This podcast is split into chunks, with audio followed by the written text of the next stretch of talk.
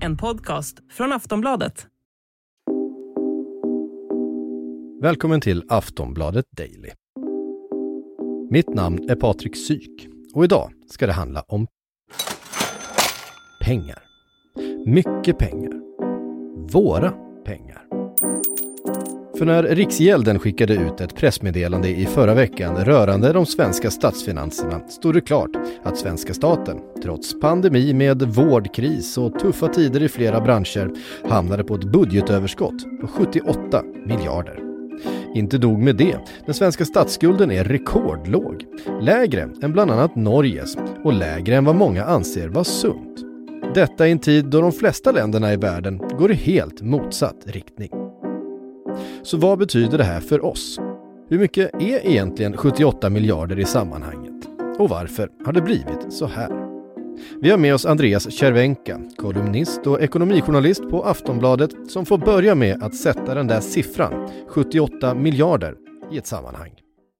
Jo, men det är ju ganska mycket pengar. Dels var det mycket mer än väntat eh, och det man kan jämföra med 2020 då underskottet var 221 miljarder. Eh, som var väldigt mycket. Eh, och att det liksom redan året efter blir ett rejält överskott, det var väl kanske inte riktigt vad någon hade räknat med för något år sedan, definitivt inte. Eh, och det är också ganska mycket i förhållande till, till Sveriges ekonomi och liksom till budgetens storlek och sådär. Så att det är lite uppseendeväckande faktiskt. Mm. Hur har det då kunnat bli så? Va, va, vad beror det på? Ja, men det, är, det är en bra fråga. Det är väl många olika faktorer. Men en del kan ju vara att Sverige inte har varit lika nedstängt som andra länder, eh, trots allt. Eh, sen har vi liksom ett näringsliv som lever mycket på export och kanske har exporterat till regioner som inte varit lika påverkade, eh, liksom som Asien. Men jag tror den stora förklaringen är ju dels att det finns liksom en här, efterfrågan på saker som, som liksom låg nere under pandemin som har kommit tillbaka.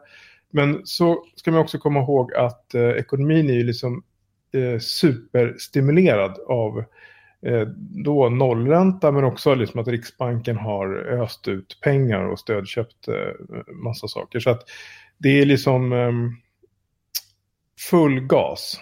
Eh, och det, har ju som, och det ser man ju på börsen, på liksom bostadspriserna, på allt möjligt. Och det har liksom sammantaget tror jag lett till att, att det blivit mer fart än man trodde. Mm. Det har blivit ganska starka reaktioner på det här budgetöverskottet. Man ser ju att det finns, det finns saker i samhället att investera i eh, och samtidigt sitter man med mycket pengar över helt enkelt i slutet på året. Va, eh, vad är din kommentar till de reaktionerna?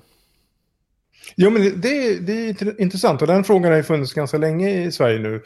Eh, hur är det rimligt att ha överskott i statens finanser? Hur ska vi se på det? Och som du säger så är det där kontrasten mellan vad man upplever behoven i samhället och ett gigantiskt överskott.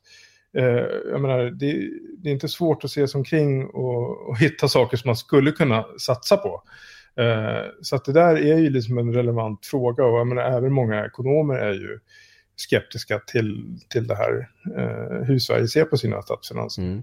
Eh, och det är just det, liksom runt om i världen har man ju förundrats lite grann över hur, hur vi då i dessa covid-tider, där många branscher har det oerhört tufft och, och länder har eh, har kämpat eh, enormt med ekonomin, eh, kunnat gå med sånt överskott. Vi hade vissa förklaringar i det. Eh, hur kan Sverige eh, stå så eh, skilt från, från resten av omvärlden? Ja, men det är en jättebra fråga. Och det här, var, det här är en trend som har pågått länge. Men vår statsskuld är ju oerhört mycket lägre eh, än i länderna i, runt omkring oss. Och, och framförallt i, om man jämför med stora ekonomier som, som liksom USA, Storbritannien, Frankrike. och Jag menar, snittet i, i eh, eurozonen, alltså euroländerna, är nästan 100% av BNP. Och nu enligt regeringens prognoser så kommer vi gå ner mot eh, 30% de närmaste åren. Om man räknar liksom hela offentliga sektorns skuld. Eh, och det är ju jättelågt och det är rekordlåga siffror. Men det är inte sen liksom Elvis dog har det varit såna, så låg statsskuld. Och det är ju som sagt, det sticker ju ut väldigt mycket jämfört med övriga världen. Ja. Eh, och, så det är många som tycker att det är konstigt. Ja, det är många som tycker att det är konstigt och det är många som är ganska kritiska till det. Och menar då att eh, det kanske vore bättre att ha en viss eh, skuld för att sedan investera den, eh, den pengen i oss själva. Um, ja, men exakt, och det här hänger ihop förstås med liksom att räntorna också har varit rekordlåga. Jag menar, liksom, staten har ju under ganska långa perioder kunnat låna till minusränta. Eh, och just nu, man brukar ju räkna så här, räntan i förhållande till, till inflationen. Så nu är inflationen ganska hög då, eh, 3 procent. Eh, och det innebär att liksom, den ränta som staten betalar, det är flera procent minus. Eh, det vill säga att staten får betalt för att låna. Och i ett sånt läge så kan man ju verkligen argumentera för att det är då man ska satsa på liksom stora investeringar, eh, infrastruktur, eh, vad man nu vill prioritera. Och det här har ju flera ekonomer påpekat ganska många år nu. Men det har inte riktigt skett och det är lite synd därför att nu har ju räntorna börjat gå upp lite grann. Inte något dramatiskt men bara lite grann de sista veckorna. Och man undrar om man har missat det här gyllene tillfället att liksom ta upp liksom lån på kanske 30, 40 eller 50 år till jättelåg ränta och finansiera olika satsningar. Eh, så, mm, lite rädd är man ju för att politikerna har låtit det här tillfället glida ur händerna. Statsskulden ja. ja, det kan vara lite komplicerat och beror lite på hur man räknar men i alla sammanhang så är statsskulden rekordlåg. Så låg att den inte bara är under länder som Norge och Tyskland utan till och med lägre än de mål staten själv satt som nivåer som man anser var sunda. Men, frågar man sig då, är inte det bra? Den som är satt i skuld är icke fri, sägs det ju. Vi återvänder till Andreas Cervenka igen. Ja, men man ska komma ihåg att liksom, vi är lite märkta av vår egen kris på 90-talet då vi hade liksom hög statsskuld, då var ju vi uppe på över 90 procent av BNP. Och då var det ju ganska tufft, för då räntorna var höga och liksom, det kostade jättemycket att, att låna. Eh, nu är det ett annat läge. Eh, det finns ju olika sätt att se på det här. Det som man kan se med Sverige, det är ju att eh, vi, vi har en låg statsskuld. Men vi har också väldigt stor banksektor, vi har hög liksom, skuldsättning bland hushållen och sådär.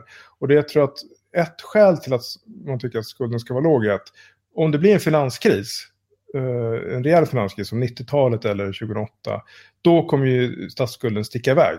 Uh, för det kunde man ju se på många andra länder. Jag menar, Irland hade ju ungefär, eller ännu lägre statsskuld än uh, vad vi har nu innan finanskrisen och sen drog den iväg till liksom 125 procent av BNP på något år.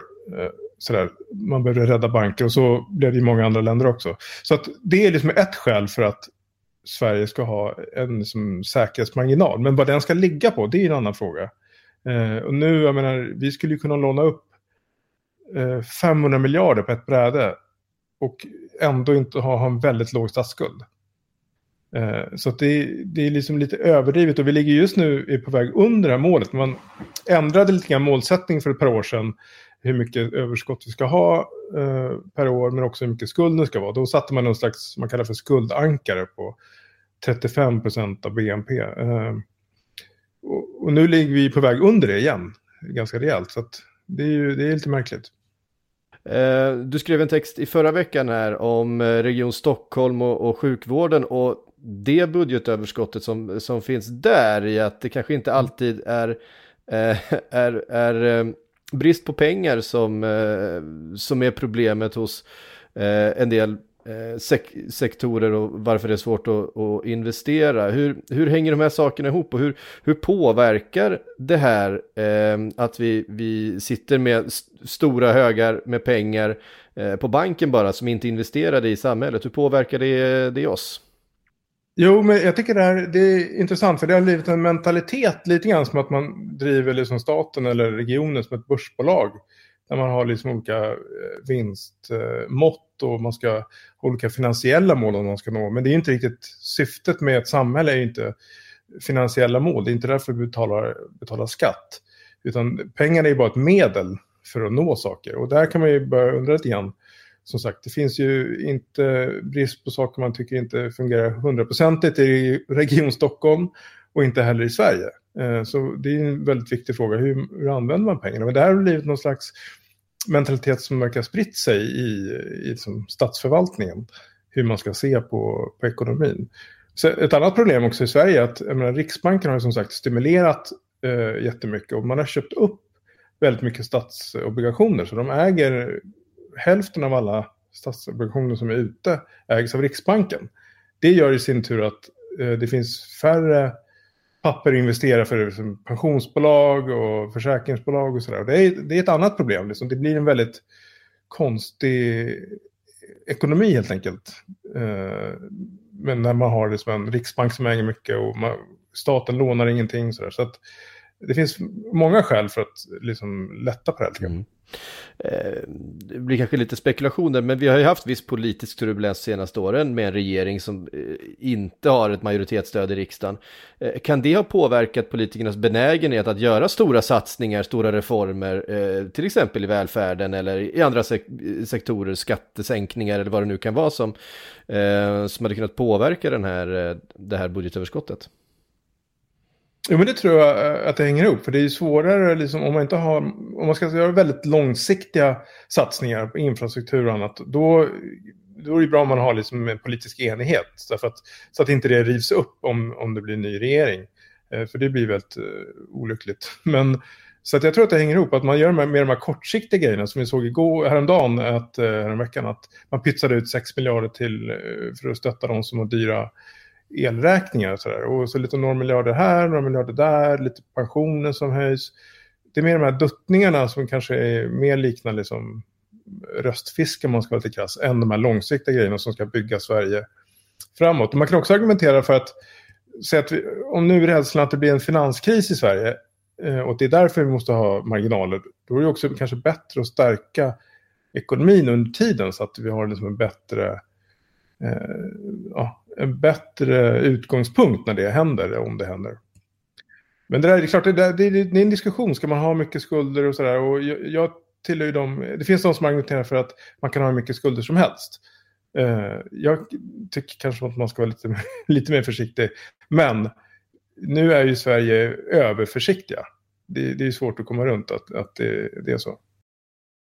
Eh, säg att eh, vi lånar 500 miljarder, säg att vi gör jättestora investeringar, att vi, vi trycker ut alla pengar vi, vi, eh, vi kommer åt in i samhället. Finns det inte en, en risk för att den här inflationen som redan är ganska hög drar iväg ännu mer? Eh, ja, det kan man ju liksom, det kan ju vara ett, ett argument. Eh, nu verkar en del av inflationen, i alla fall i Sverige, bero på dels liksom elpriserna och dels eh, att det liksom med problem med leveranser och brist på, på liksom vissa komponenter och sådana saker. Men det, det, är ett argument, men jag, jag, tror också liksom att det beror också på hur man gör det. Men om man bara öser ut pengar, om, om liksom Finansdepartementet skickar hem en, en låda med 500 till varje medborgare, eh, då är det klart att inflationen drar, drar iväg. Men om man säger så här att ja, vi ska låna 500 miljarder, vi ska liksom bygga nya vägar för 100 miljarder, vi ska bygga liksom vindkraft för 100, eller vad det nu är då tror jag man har en liksom mycket större förståelse eh, från omvärlden. Det är ingen som tycker att det är konstigt att vi lånar så mycket pengar. Och det skulle inte heller ha några, liksom, tror jag, den gigantiska liksom, påverkan på inflationen. Men man ska komma ihåg att det har ju snarare varit tvärtom, att inflationen har varit väldigt låg i Sverige i, i liksom nästan 20 år nu. Så att man ska inte överskatta den, den risken. Jag tror en orsak till att man är försiktig är att man ser just att, att ehm, jag menar, Sverige har ju då väldigt låg eh, statsskuld, men vi har väldigt hög privatskuld. Så om man tittar på när man lägger ihop de här siffrorna så ligger vi faktiskt i världstoppen. Eh, om, man, om, man, tittar på de privata skulderna så ligger vi absolut i, i världstoppen. Och, och sammantaget blir, ligger vi ändå högt trots vår hö, låga statsskuld. Så att, och det här är lite så här, eh, liksom, om det blir problem eh, på ena sidan så rinner det över till den andra sidan. Det vill säga att blir det någon slags, blir en bostadskrasch eller någonting, då kommer skulden i den privata sektorn rinna över till det offentliga. Så, så att det är ju en, en, en orsak till att det ser ut som det gör tror jag. Men sen hur stor är den risken och, och ska man ändå sitta still och inte göra någonting, det är det frågan handlar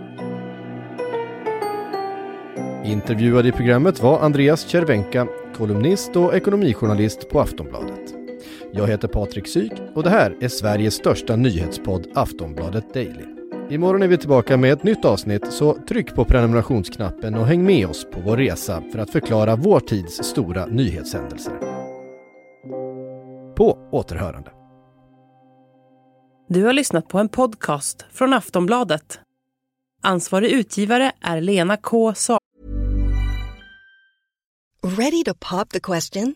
The jewelers at BlueNile.com have got sparkle down to a science with beautiful lab grown diamonds worthy of your most brilliant moments. Their lab grown diamonds are independently graded and guaranteed identical to natural diamonds, and they're ready to ship to your door. Go to BlueNile.com and use promo code LISTEN to get $50 off your purchase of $500 or more. That's code LISTEN at BlueNile.com for $50 off. BlueNile.com code LISTEN. Samuelsson.